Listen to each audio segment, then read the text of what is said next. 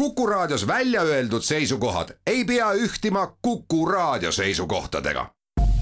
Te kuulate Kuku Raadiot.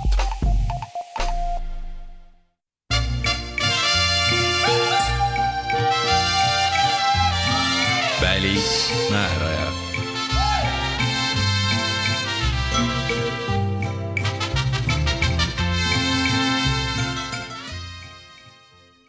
tere ja ilusat pühapäeva hommikut Kuku raadio Välismääraja saate äh, kuulajatele. Äh, Ukraina sõjast räägitakse igal ajahetkel kõikides maailma uudistes, kus rohkem, kus vähem, äh, ja ma arvan, et sellel teemal me tänases saates nagu otse Ukrainat ja Vene eh, tegevust ja sõjategevust seal analüüsides eh, eriti palju midagi uut infot, ehk nagu päeva lahingtulemusi ette raporteerima ei hakka, aga vaatame ühte väga põnevat regiooni, millel, millele on sellel käesoleval konfliktil, sõjal väga otsene ja oluline mõju seda nii poliitilises plaanis kui majanduslikus plaanis, pagulaste plaanis ja nii edasi ja nii edasi, äh, et äh, räägime Kaukaasiast, kolmest riigist, Gruusiast, Aserbaidžaanist ja Armeeniast ja vaatame, kuidas see praegu käimasolev sündmuste jada meie läheduses siis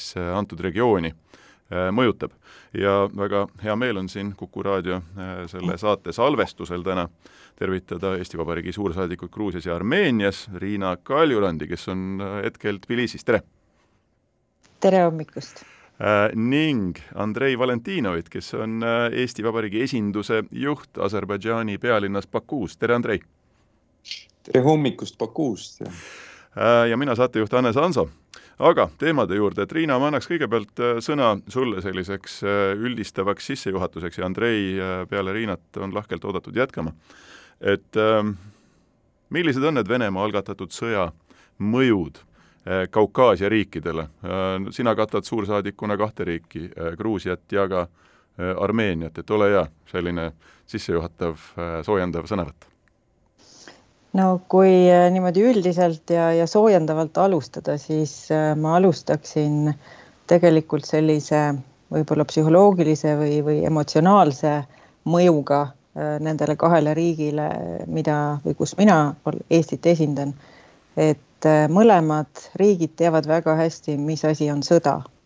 Äh, erinevalt Eestist, kus võib-olla sõda on abstraktsem, kus me loeme sõjast võib-olla ajalooraamatutest, siis Gruusias mäletavad inimesed väga otseselt kahe tuhande kaheksandal aastal väga sarnase stsenaariumi järgi toimunud sõjategevust ja mäletatavasti Armeenias, äh, Armeenia-Aserbaidžaani vahel alles aasta tagasi lõppes teine Mägi-Karabahhi sõda ja, ja nii-öelda sõjategevus tegelikult siia, siin piirkonnas ei ole päriselt siiamaani lõppenud.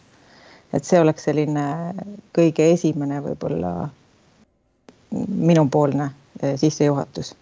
Äh, Andrei no ma jätkan äh, samast punktist, kus Riina nagu lõpetas, et äh, ja tõesti äh, selles piirkonnas inimesed teavad, ähm, mida tähendab sõda, nad on kaotanud konfliktides väga palju oma kaasmaalasi ja konfliktid on pikaajalised, noh, kestavad juba üle kolmekümne aasta ja tegelikult ega see lahendus ei paista äh, kõikides kolmes äh, äh, riigis väga lihtsa noh, ütleks niimoodi lahendusena, et loomulikult räägitakse rahulepingutest vähemalt Armeenias ja Aserbaidžaanis, aga kindlasti Gruusia, Gruusia rahust on veel väga vara rääkida, et, et tõesti inimesed siin mõistavad, äh, millega on tegemist ja nad äh, saavad aru, äh, kui nii suurt negatiivset mõju taolised sõja, noh, ütleks niimoodi, avaldavad nii inimestele kui ka riigile ähm,. igal riigil seal regioonis mõistetavalt on nagu erinevas äh, vürtsikusastmes, aga on omad suhted äh, nii Venemaa kui ka Ukrainaga ja mõistetavalt ka lääneriikide ja muu maailmaga. Ähm, et äh, kuidas nende riikide käitumine siis Gruusia, Armeenia, Aserbaidžaan, et kuidas praegu nad on otsustanud selles konfliktis, kõik peavad kuidagi reageerima. noh, meie siin Eestis, Euroopa Liidus, NATO riigid, kõik oleme reageerinud väga sarnaselt, väga ühtselt, aga sõltuvalt asukohast ja sõltuvalt riigist, eks me näeme ka neid halle varjundeid paljude riikide käitumises, kus võib-olla kõik ei ole nii mustvalge kui meie jaoks.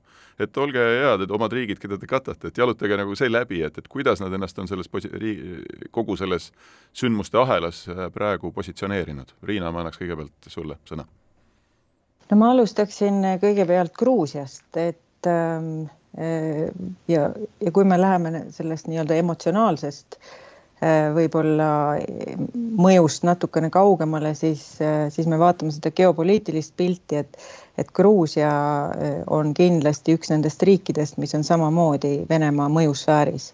Ja Venemaa on väga huvitatud siin tegutsemise ja, ja selle noh, jätkamisest ja, ja oma mõju säilitamisest. Ja, ja noh, selles mõttes nii-öelda, kui me vaatame Gruusia-Venemaa suhteid, siis need on äh, enam kui keerulised, diplomaatilisi suhteid ei ole. Äh,. alates kahe tuhande üheksateistkümnendast aastast ei ole otselende äh,, on ka paljud majandussanktsioonid näiteks Venemaa poolt Gruusiale pandud sellest ajast. Ja ja noh, aga see, see ei muuda fakti, et näiteks Gruusia majandus äh, on, äh, on jällegi väga sõltuv Vene majandusest ja, ja Vene turust. Ähm, ühelt poolt äh, on nii-öelda see sõltuvus, puht praktiline sõltuvus Venemaast ja teiselt poolt see püüdlus integreeruda Euroopaga ja nii-öelda transatlantiliste struktuuridega. et see, see on selline väga raske tasakaalupunkt ja, ja kui me vaatame nüüd näiteks Gruusia eh, reaktsioone sellele sõjale, siis ähm, nii-öelda inimesed äh, on tänavatel ähm, poolteist nädalat järjest, praktiliselt igal õhtul olid tuhanded demonstreerimas äh, Ukraina toetuseks. Ja samal ajal valitsuse sammud ja reaktsioonid on olnud väga tasakaalukad või nii-öelda ma ei, ma ei ütle tasakaalukad, võib-olla ettevaatlikud, isegi kohati meie jaoks liiga ettevaatlikud. et äh, ühelt poolt on nad kutsunud justkui rahvast äh, vaoshoitusele, et mitte provotseerida äh, vene keelt kõnelevaid inimesi ja Venemaad. ja, ja teiselt poolt on nad väga selgelt nii-öelda avaldanud poliitilist toetust Ukrainale mõistnud hukka Venemaa agressiooni, aga nad näiteks ei ole oma poolt ühtegi sellist kahepoolset või nii-öelda bilateraalset sanktsiooni äh, Venemaa suhtes rakendanud. Äh, kuigi nad jah, nad ühinevad nende nii-öelda rahvusvaheliste sanktsioonidega, millega siis, siis me kõik äh, oleme ühinenud, aga, aga ja siin need nii-öelda võimalused Venemaal kuidagi lääne sanktsioonidest mööda minna ja, ja siin Gruusias kuidagi mingisuguseid skeeme leida, äh, see oht on, on endiselt äh, nagu õhus kusjuures ka, äh, kusjuures ka äh, on mingid teatud ettevõtted või sektorid, minu meelest Gruusia puhul oli see piimandus või, või mingi selline sektor, mis on just nüüd saanud Venemaalt üldsegi loa oma toodete eksportimiseks. vaata, see on jällegi äh, selline Vene nagu välispoliitika omapära, et eks nad kasutavad ära kõiki neid aknaid, mis on. Nii-öelda tegelikult on see üks suur nali, see piimatoodete eksport nii-öelda Venemaale, sellepärast et Gruusial ei ole midagi eksportida Gruusia impordib kogu oma piima, piimatooted kas Venemaalt, Ukrainast või, või Valgevenest. no näed siis, ja siia Tallinnasse on, see on, see, see ajalehelugejana mina vaatasin, et vaata kui huvitav käik, et, et ei, nüüd ongi. peale kõiki neid aastaid on venelased otsustanud hakata Gruusia piimatooteid äh, tarbima see on, see on nii ja grusiinid ise äh, kardavad, et, et on väga võimalik, et näiteks Venemaa ühepoolselt äh, otsustab ka otselennuliinid taas nagu Tbilisi-Moskva avada või siis äh, viisanõudest loobuda, sest praegu on, on kahjuks ühepoolne viisanõue grusiinidele. venelased võivad Gruusiasse lennata äh, viisavabalt. sellest me räägime kindlasti pärast, et äh, neid venelasi sinna on vist viimasel ajal sattunud kümnete tuhandete viisi. aga nüüd, ennem kui me Armeenia juurde läheme, lubame, teeme, teeme kordamööda, et Andrei saaks enda panuse ka anda lihtsalt kuulajale vahelduse mõttes Aserbaidžaani osas, et ole hea, kuidas praegu siis kuidas Venemaaga suhted no. viimastel nagu nädalatel arenenud on et äh, siin on nagu palju väga huvitavaid märke erinevaid, kaasa arvatud see, et, et president Alijev oli ju äh, sellel hetkel, mõned äh,, ma ei tea, üks päev ennem sõda veel Moskvas visiidil, kui juba oli tunnustatud neid rahvavabariike, Luhanski ja Donetski näiteks.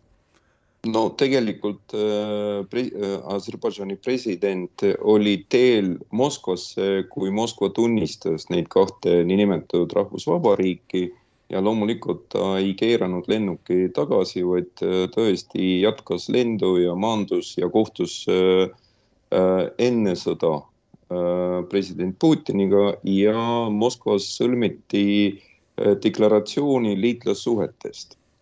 et kindlasti sellisel taustal nagu tundub, et Venemaa on siis Ukraina mittetoetav riik, aga see on tegelikult äh, natuke nagu petlik tunne. Äh, probleem, äh, no asi on selles, et, et Aserbaidžaan on alati äh, äh, nagu olnud positsioonil, et ta ei tunnista ei Krimmi annekteerimist, ei, ei tunnista neid kahte vabariiki ja tõesti julges ja julgeb seda nagu jätkuvalt korrata loomulikult äh, nagu Gruusia, Aserbaidžaan on vaoshoitum kui paljud riigid äh,. äh ta kutsub äh, pidada kõnelusi ja isegi on pakkunud ennast äh, vahendajana koos, koos Türgiga.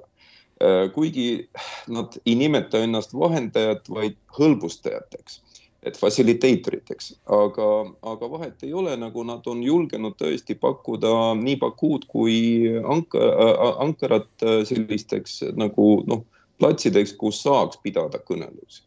rahvas on sajaprotsendiliselt äh, Ukraina toetaval positsioonil äh, tänavatel on samuti avaldatud ähm, äh, nagu me, meelt Ukraina toetuseks äh,. nii riik kui rahvas on kogunud äh, humanitaarabi ja saatnud äh, mitu lennukit äh, humanitaarabi, ravimit ja kõike väärtuses üksteist miljonit eurot viimasel ajal ja lisaks veel Aserbaidžan on pakkunud tasuta peaaegu miljon liitrit ähm, kütust oma tanklade ketis Ukrainas, et see on tegelikult väga suur abi.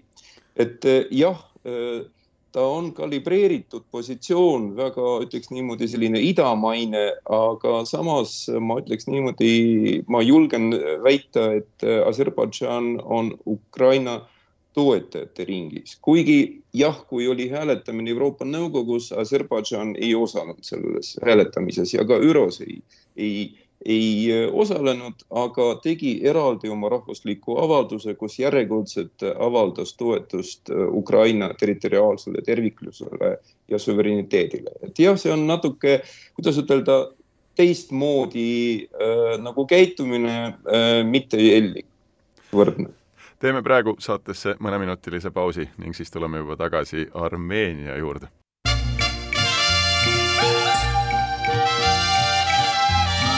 välismääraja.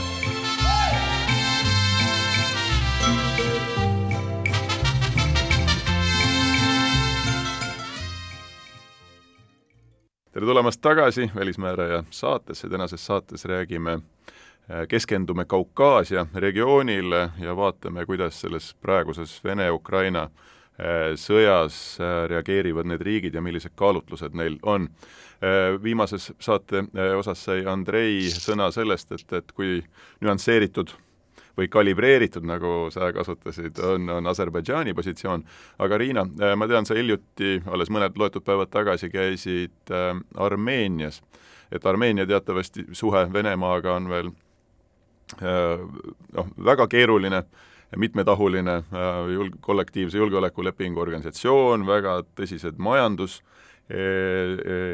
suhted või sõltuvus mõnes mõttes samuti ka kõikvõimalik Vene vägede kohalolek seal, sõda, mis hiljuti toimus, mida garanteerib nii-öelda, mille tulemusi garanteerib siis Venemaa või peaks garanteerima.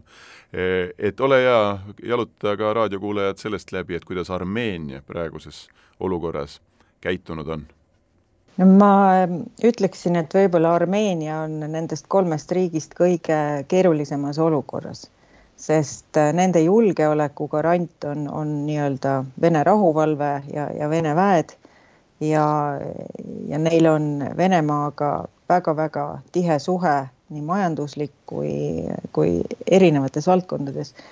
et äh, see on väga-väga läbi põimunud nüüd, kui, kui vaadata nende reaktsioone näiteks äh, rahvusvaheliselt või, või näiteks kasvõi kodus äh, rahva seas, siis ka see ei ole nii ühene.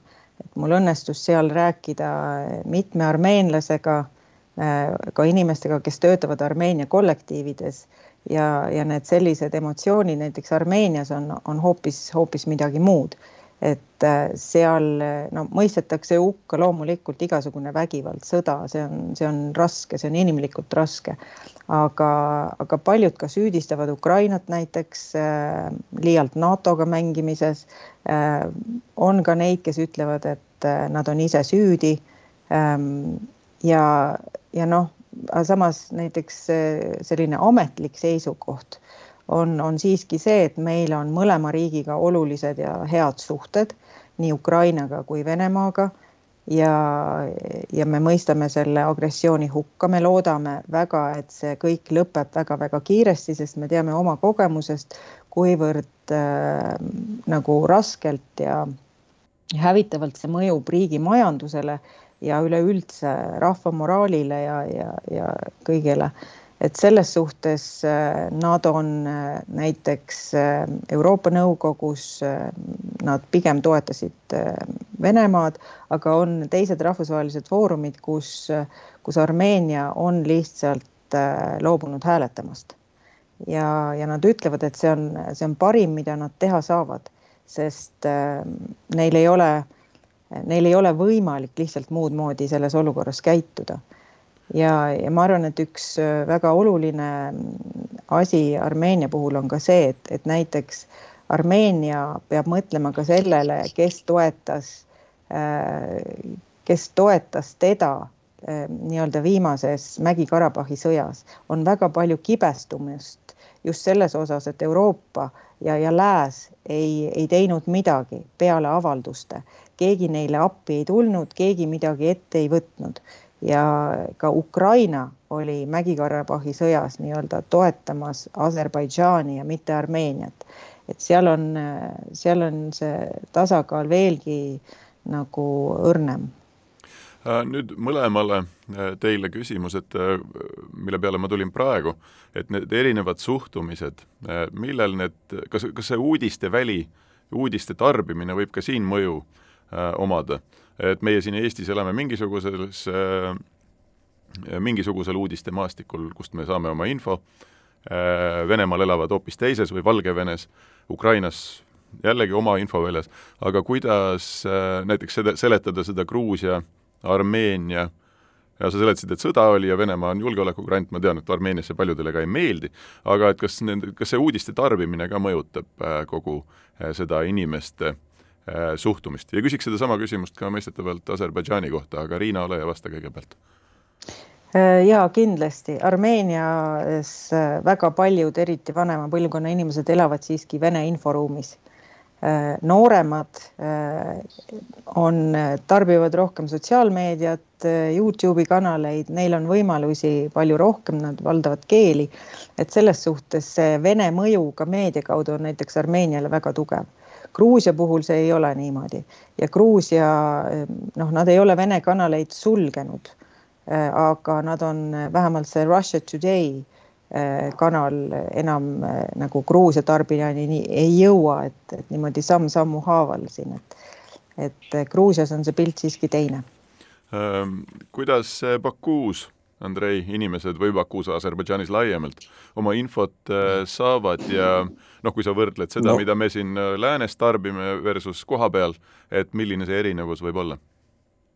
ma ütleks niimoodi, et just Ukraina kajast-, Ukraina sündmuste kajastus on, on suhteliselt objektiivne nii aserikeelses meedias kui venekeelses meedias ja, ja ja nad samamoodi kasutavad nii riiklikke kanaleid kui sotsiaalmeediat ja ma ütleks niimoodi, et ega see erinevus ei ole suur, tegelikult ta on rohkem selline Ukraina, Ukraina kasuks tõlgendus ja, ja ega asjata Venemaa ei ole keelanud teatud uudisteportaalid venekeelsed just uudisteportaalid Aserbaidžaanis uh,. Okay. see oli tõesti tõ,, tõesti huvitav, huvitav fakt, aga, aga venekeelsed inimesed Venemaal kasutasid Ukraina meediakanalit selleks, et saada tegelikku pilti, mis seal toimub. Äh, küsimus, mis on täitsa loogiline, Riina äh, viitas ennem sellele, et äh, Armeenia ja Aserbaidžaani vahel toimus alles hiljuti sõda, e, et kas praeguses olukorras, nüüd kus Venemaa tähelepanu ilmselgelt on sõjalises mõttes nihkunud Kaukaasiast ära, no kus iganes ta siin vahepeal veel olnud on, aga Kaukaasiast äh, ära Ukrainasse, et kas on kohapeal tunnetada, ma ei tea, kas siis Aserbaidžaani poolt või ka Armeenia poolt mingisugust äh, soovi äh, veel midagi saavutada või midagi tagasi võtta või, või nii edasi, ehk siis kasutada ära seda, et, et Venemaa tähelepanu on kusagil mujal ja arvatavasti ka ressurss. Andrei, ma kõigepealt küsiks sinu käest no tegelikult sellised äh, spekulatsioonid olid äh, meedias, just äh, Venemaa meedias, aga ma arvan, need sõnumid olidki sellise provotseeriva iseloomuga. tegelikult Aserbaidžan väga hästi mõistab, et tema territooriumil asuvad Vene rahuvalvajad, et midagi võtta ette siis, kui on mitu tuhat hästi relvastatud Vene niinimetatud rahuvalvajad on kohal, no see on äh, täiesti mõttetu äh, ettevõtmine ja, ja tegelikult Aserbaidžan on saanud viimases sõjas äh, väga palju. ta on taastanud sisuliselt oma territoriaalset terviklikkust, tal kindlasti sellist, kuidas ütelda, suhete noh, järsut rikkumist ei ole vaja et äh, pigem, pigem nad äh, äh, säilitavad sellist, kuidas ütelda, amet, nii ametlikus retoorikas kui ka tegevuses sellist noh, küllaltki tasakaalukat positsiooni. ma mõtlen, ma räägin ametlikust võimudest, ma ei räägi inimestest. no inimesed loomulikult võib-olla tahaksid, aga, aga vähemalt võimud kindlasti mm, selliseid plaane ei ole pidanud. Ehm, kuidas on äh, lugu Armeeniaga, äh, Riina, kas sa äh, tead, kas noh, mõistetavalt sõjas kaotamine nagu väga valus pill ja kindlasti sellisele psühholoogilisele ehm, seisundile Armeenias nagu see sõjakaotus nagu head ei teinud. ja sellega nüüd on üritatud toime tulla mõnda aega, aga ega ma arvan, see nagu rahulolematus ei ole ju kuhugi kadunud ja riik valis endale just äh, äh, presidendi, et kas on tunnetada mingisugust, mingisuguseid muudatusi võib-olla Armeenia seisukohtades või ootusi praeguse olukorra osas näiteks, et kuidas seda ära kasutada? Äh, jaa, Armeenias on vastupidiselt võib-olla Aserbaidžaanile on ärevus väga-väga suur. ma just tulin nii-öelda äh, Äh, uue presidendi ametisse pühitsemise tseremoonialt. Äh, aga lisaks sellele tseremooniale mm, ma osalesin küll üksinda, aga ka koos oma Põhjala-Balti kolleegidega umbes kaheteistkümnel ametlikul kohtumisel erinevate riigiametnikega, NGO-dega ja nii edasi, et ei olnud kohtumist, kus see küsimus ei oleks tõstatunud. et, äh, et nüüd, kui esiteks Venemaa fookus on Ukrainal kogu lääne fookus on mujal. et äh, nende tõlgendus on see, et Aserbaidžaan kindlasti äh, plaanib midagi ja teeb midagi ja, ja selle kohta on äh, alles nii-öelda viimase nädala jooksul toimunud tegevused, eks ju, Mägi-Karabahhis, seal on noh, armeenlaste väitel on just Aserbaidžaani territooriumile on õhku lastud osa gaasitorust, mis tähendab, et kogu Stepanakert ja umbes seal ümberkaudselt sada tuhat inimest on ilma gaasita. ilma sooja veeta, osaliselt ilma elektrita ja toiduained hakkavad otsa saama kusjuures teine ütleme, mis on, mis kõlab sama räigelt, võib-olla on see nii-öelda põllumeeste ahistamine, et praegu, kui, kui hakkab põllumajandushooaeg pihta, et Aserbaidžaani sõdurid siis valjuhäälitega äh, Äh, karjuvad äh, traktoristidele põllule, et kui te ei, ei lahku siit sellest külast või siit saja neljakümne kaheksa tunni jooksul või vabandust, neljakümne kaheksa tunni jooksul, siis, äh, siis me ähvardame teid snaiperitega ja käib selline nagu, nagu psühholoogilised. operatsioonid, et, et inimesed ei julge enam põldudele minna ja, ja armeenlaste tõlgendus sellest olukorrast on selline, et, et Aserbaidžaan soovib, et et armeenlased lahkuksid sellelt territooriumilt, et neil oleks võimalik siis nii juba võtta kontroll kogu Mägi-Karabahhi üle.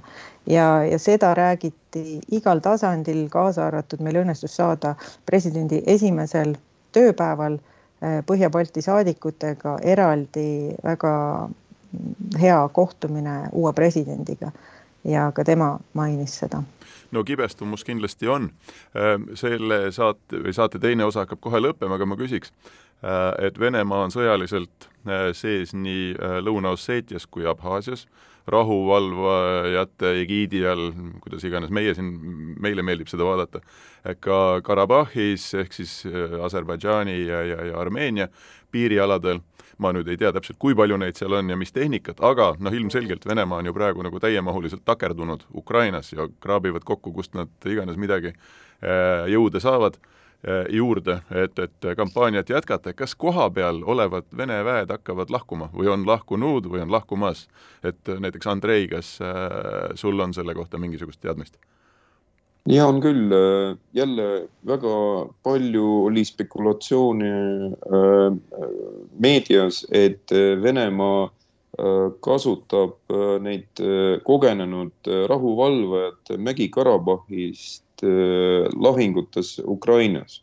tegelikult neid ei, ei leidnud kinnitust neid faktid. no võib-olla seal toimus väike rotatsioon, tõesti vanad kogenenud äh, nagu ajateenijad on lahkunud ja, ja need asendati uutega, aga see protsent on nii väike, et, et tegelikult ma pigem ütleks, et nad ei kasutanud ja tehnika arvu ka ei ole vähendanud äh, pigem on status quo äh, säilitatud. veel äh, ma tean, et on, on olemas FSB esindajad, piirivalvureid kahel lõigul Aserbaidžaani ja Armeenia transiitteel. ka seal ei ole muudatusi toimunud, et selles mõttes Venemaa pigem hoiab seda saavutatud äh, nagu positsiooni ja ei ole seda suurendanud ega vähendanud. Riina, palun hästi lühidalt, et kas Gruusiaga piirnevad Lõuna-Osseetia Abhaasia, kas seal on Vene väed samas mahus sees või puudub selline teadmine?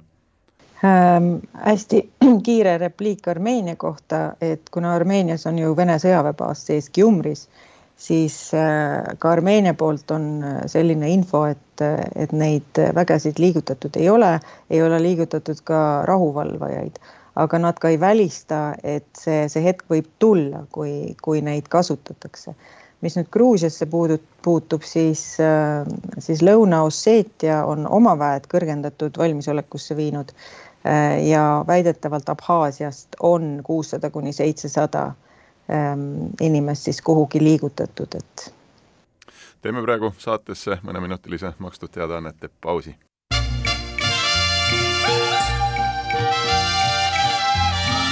Välismääraja.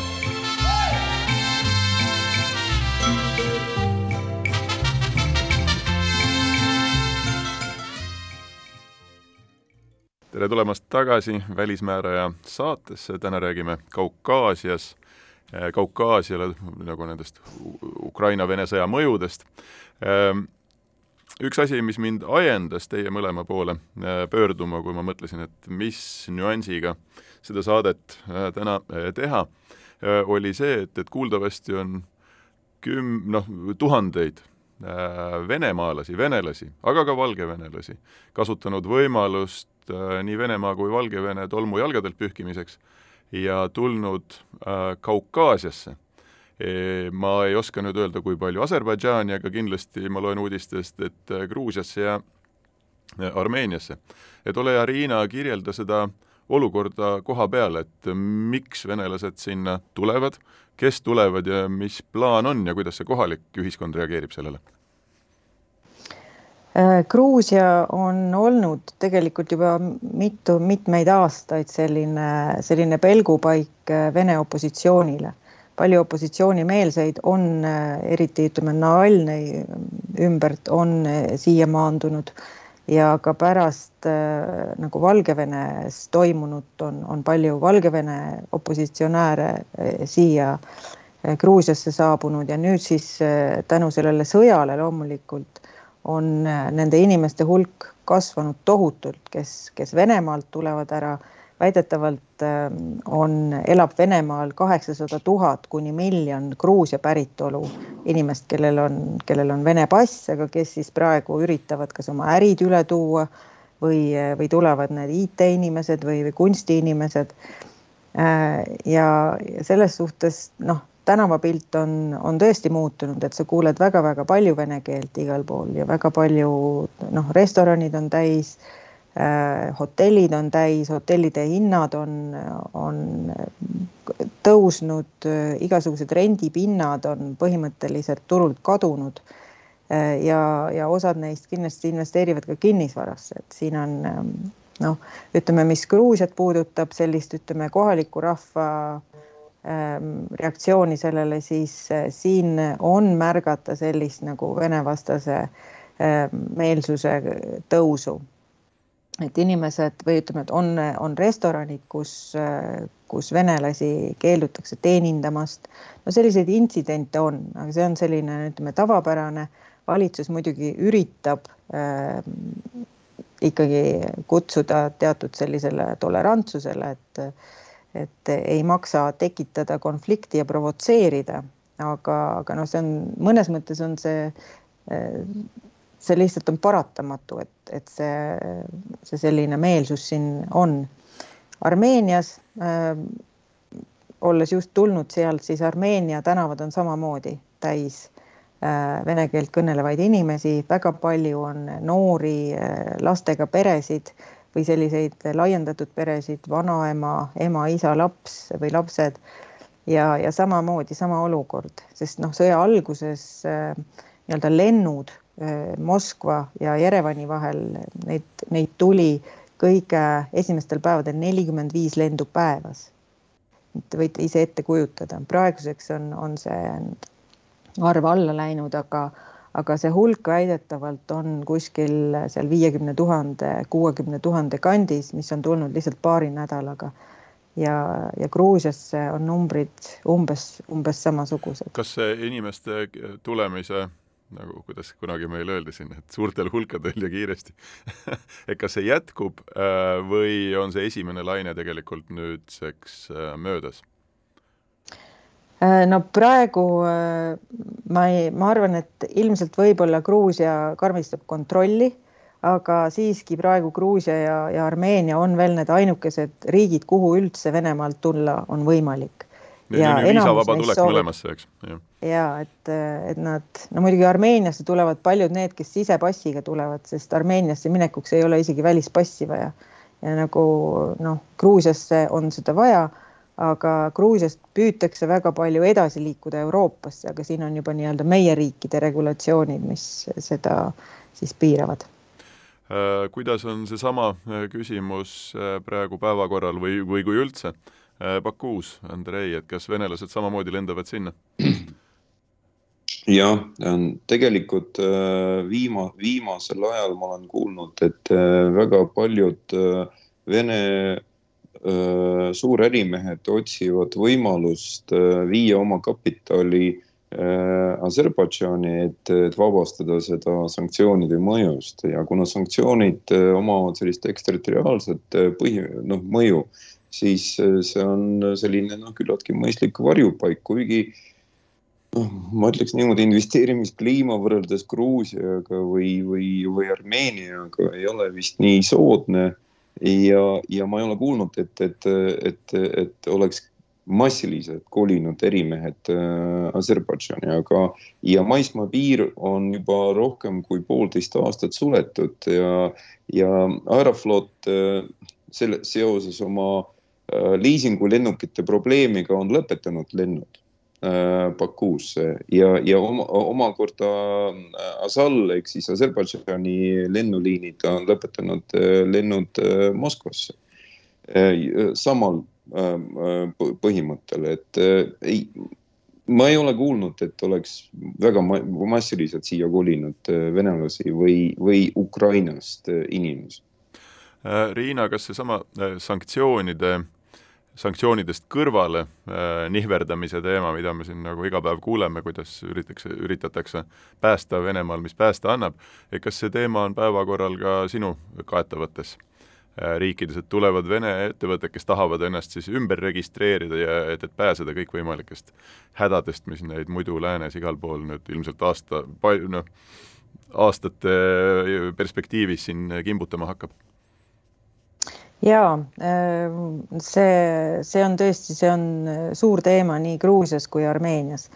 Armeenias õnnestus natuke rääkida sealse majandusministriga, küsisime, et, et mida te nende inimestega teete ja nende äridega, mis siia tulevad. Äh, nad ütlesid, et püüame sisse võtta, püüame äh, ära mahutada. põhiliselt oodatakse IT-sektori inimesi ja, ja Armeeniasse ongi hästi palju läinud just Vene ja Valgevene IT-sektorit ja, ja noh, seal, seal tegelikult on neil päris hea toimetada. Äh, Gruusiasse tullakse ka, on hästi palju nii-öelda Gruusia päritolu firmasid, kes Venemaalt üle kolivad, aga soovivad ka venelased seda teha.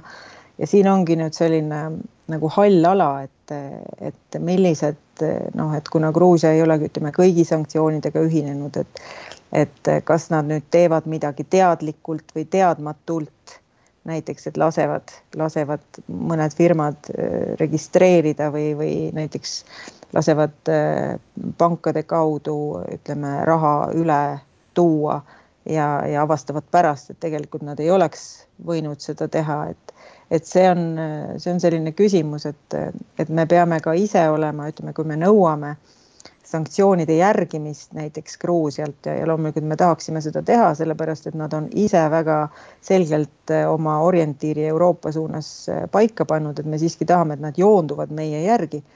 ja, ja siis me peame nagu oskama ka öelda, et, et või eh, konkreetselt, et mida me tahame, et nad teeksid et pärast ei oleks üllatusi.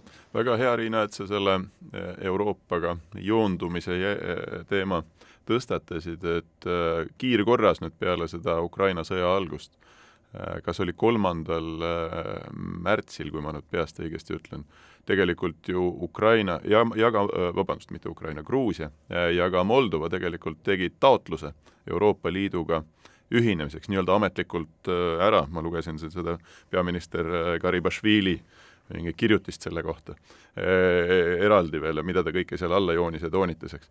et kas, äh, milleks selline avaldus nüüd järsku tehti äh, ja kuidas see täpselt mõjutab siis äh, Gruusia võimalik, võimalikku manööverdamisruumi nagu sellesama halli ala jätkamisel, millest, millest me siin rääkinud oleme?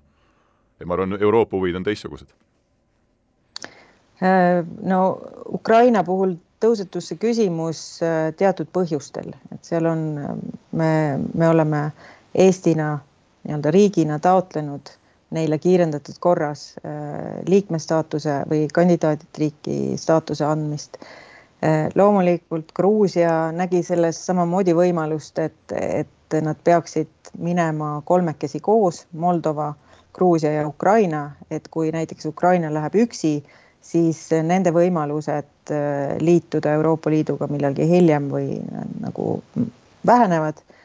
ja, ja noh, tegelikult äh, oligi, ma arvan, see ajendatud sellest ajaaknast, mis, mis tundub kuidagi väga käegakatsutav, aga aga siin alati ei, ei tajuta seda, et see, see Euroopa Liiduga liik-, liitumise protsess on siiski väga pikaajaline, et isegi pärast seda, kui sa saad selle liikmestaatuse, siis alles siis algab see nii-öelda päris tõsine töö, mis võib võtta palju aastaid.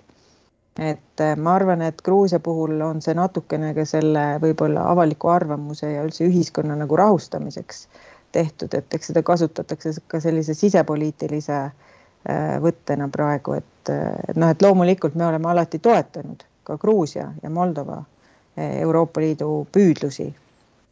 aga selleks tuleb ka väga palju vaeva näha siin kohapeal ja, ja tööd teha, et, et see kõik läheks nii nagu vaja Andrei, noh, põhimõtteliselt sama küsimus, et kui me vaatame ka seda idapartnerlust, et, et on riikidel on erinev, väga erinev ambitsioonitase, ka Aserbaidžaan, sinu praegune kodumaa, on olnud, on olnud selle protsessi osa, aga nagu soovid väga selgelt varieeruvad, et, et Ukraina tahtis üht ja Gruusia teist ja Moldova kolmandat.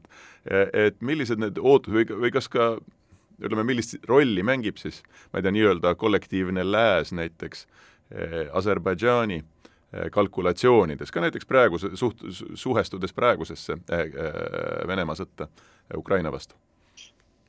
No tegelikult Euroopa Liit on plokina kõige suurem kaubanduspartner ja investor, strateegiline investor Aserbaidžaanis. loomulikult Aserbaidžaan on huvitatud nagu säilitada väga head suhted lääneriikidega ja, ja praegu kõik need lääne sanktsioonid äh, avanevad võimalust Aserbaidžaanile tarnida rohkem gaasi ja naftat äh, nagu Venemaa asemel, aga no oleme ausad, et, et vaatame numbrite peale, nagu kui Venemaa tarnis eelneval aastal sada viiskümmend viis miljardit kuupmeetrit gaasi Euroopa Liidu turule ja Aserbaidžan kaheksa koma kaks miljardit, no vabandust, et asendada Venemaad, Aserbaidžan isegi kui väga tahaks, ei suuda. ei ole võtta, eh, puudub taristu ja nagu sellist ambitsiooni ei ole. Ei ole ambitsiooni liituda ka äh, nagu Euroopa Liiduga nagu taotleda endale kandidaatriigi staatust, sellist ambitsiooni ka ei ole sest nagu majandusstruktuur ja, ja majanduslikud huvid on natuke teistsugused, et jah, investeeringuid oodatakse, aga niimoodi sinna jõuda järgi esikolmikuga idapartnerlusest nad ei kavatse ähm,. kuidas on see investeerimisteema nüüd nendel uutel aladel, mis on äh, sõjaga äh, Armeenia käest, noh, sõltub nüüd, kustkohast vaadata, on ju, Aserbaidžaani vaatest tagasi võetud, Armeenia vaatest neilt ära võetud, aga siiski, see on kindlasti piirkond, kuhu oodatakse ka äh, raha, investeeringuid ja mida kõike igalt poolt, et kas nad selles suhtes mingisugust eraldi pingutust äh, teevad? Kindlasti teevad pingutust, eriti kui nad nägid, kui palju Euroopa Liit lubas anda abi Armeeniale ja need numbrid, kui nagu avaldati, Aserbaidžani numbrid, see vahe oli väga suur. loomulikult Aserbaidžan kõige kõrgemal tasemel hakkas paluma Euroopa Liidu suurendada abi mahtu. Aga probleem on selles, et tagastatud aladel on suured miiniväljad ja ma kardan, et läheb veel väga-väga palju aastaid enne kui see piirkond mõõtu, noh, muutub elukõlblikuks ja turvaliseks. et ambitsioonid kindlasti on suured, soovid saada Euroopa Liidu abi on samuti kasvujärjel, aga ma kardan, et tingimusi investeeringuteks ei, ei, ei, ei ole ja lähiajal neid ei teki. Äh, Riina, saateaeg varsti lõpeb, aga äh, sinu kaetavas riigis äh, Armeenias minu meelest üks päris oluline muudatus toimus hiljuti, et nad on järsku avaldanud ka avalikult nõusolekut või soovi alustada läbirääkimisi Türgiga Äh, diplomaatiliste suhete äh, kas loomiseks või taastamiseks, muuhulgas et ka saaks avada piiri kaubavahetuseks ja nii edasi. et ole hea, ja see on päris suur muutus tegelikult äh, Armeenia äh, avalikus sellises diplomaatias või väljaütlemistes. et ole hea, millest see ajendatud äh, sinu hinnangul võiks äh, olla? aga palun võrdlemisi lühidalt ja üritan teha lühidalt, et äh, tegelikult see protsess sai äh, väga ettevaatlikult alguse juba koheselt pärast sõda, kui hakati neid regionaalseid selliseid äh, nagu rahuläbirääkimisi pidama Aserbaidžaani, Venemaa ja, ja Armeenia vahel. ja, ja praegu lihtsalt need viimased sündmused on selgelt näidanud Armeeniale, et, et nad võiksid võita sellest, kui nende suhted Türgiga paraneksid sest see kaalu-, tasakaalustaks nii-öelda seda äh, ka Venemaa mõju äh, Armeenias ja ilmselt annaks võib-olla ka mingisuguse parema võimaluse äh, Aserbaidžaaniga jutule saada mingisuguses perspektiivis. et see avaks nagu mitu ust ja oleks selline väga tasakaalustav asi. kaks kohtumist eriesindajate vahel on toimunud, üks Moskvas, üks Viinis Äh, Armeenia praegu tundub, et ta tahab äh, kiiremini edasi liikuda, ta sooviks ka piire avada ja näiteks kasvõi nagu diplomaatilise plassi, passi omanikele, aga hetkel on just Türgi see, kes, kes on äh, nagu pidurit tõmbamas, et ärme kiirustame, vaatame, kuhu asi liigub. et, et suuri edasiminekuid nagu praktiliselt ei ole, aga esimene samm, et läbirääkimised toimuvad ja inimesed kohtuvad, on juba päris hea algus. ma hea meelega annaks äh, sõna veel Andreile, aga aega ei ole. aga lihtsalt, et ma mäletan, kunagi aastaid tagasi oli sama teema üleval ja Ase-, Aserbaidžaani survel Türgi tegelikult tõmbas pidurit sellele asjale, aga äh, loodetavasti või ütle kaks ei, sõna, kas, kas Aserbaidžaan tõmbab jälle pidurit? Ei, ei tõmba, vastupidi, nagu ta on hästi informeeritud türklaste poolt, mis toimub. Ja kindlasti, nagu ütles Riina, äh, see on kõige kolme riigi huvides taastada regionaalset turgu. Äh, suur tänu teile mõlemale stuudiosse tulemast, Riina Kaljurand, Eesti Vabariigi suursaadik Gruusias ja Armeenias ning Andrei Valentinov, Eesti Vabariigi esindaja Bakuus Aserbaidžaanis. mina saatejuht Hannes Hanso ning tund äh, vähem kui nädala pärast juba uute teemadega siinsamas Kuku raadio äh, lainel. ilusat pühapäeva jätku kõigile!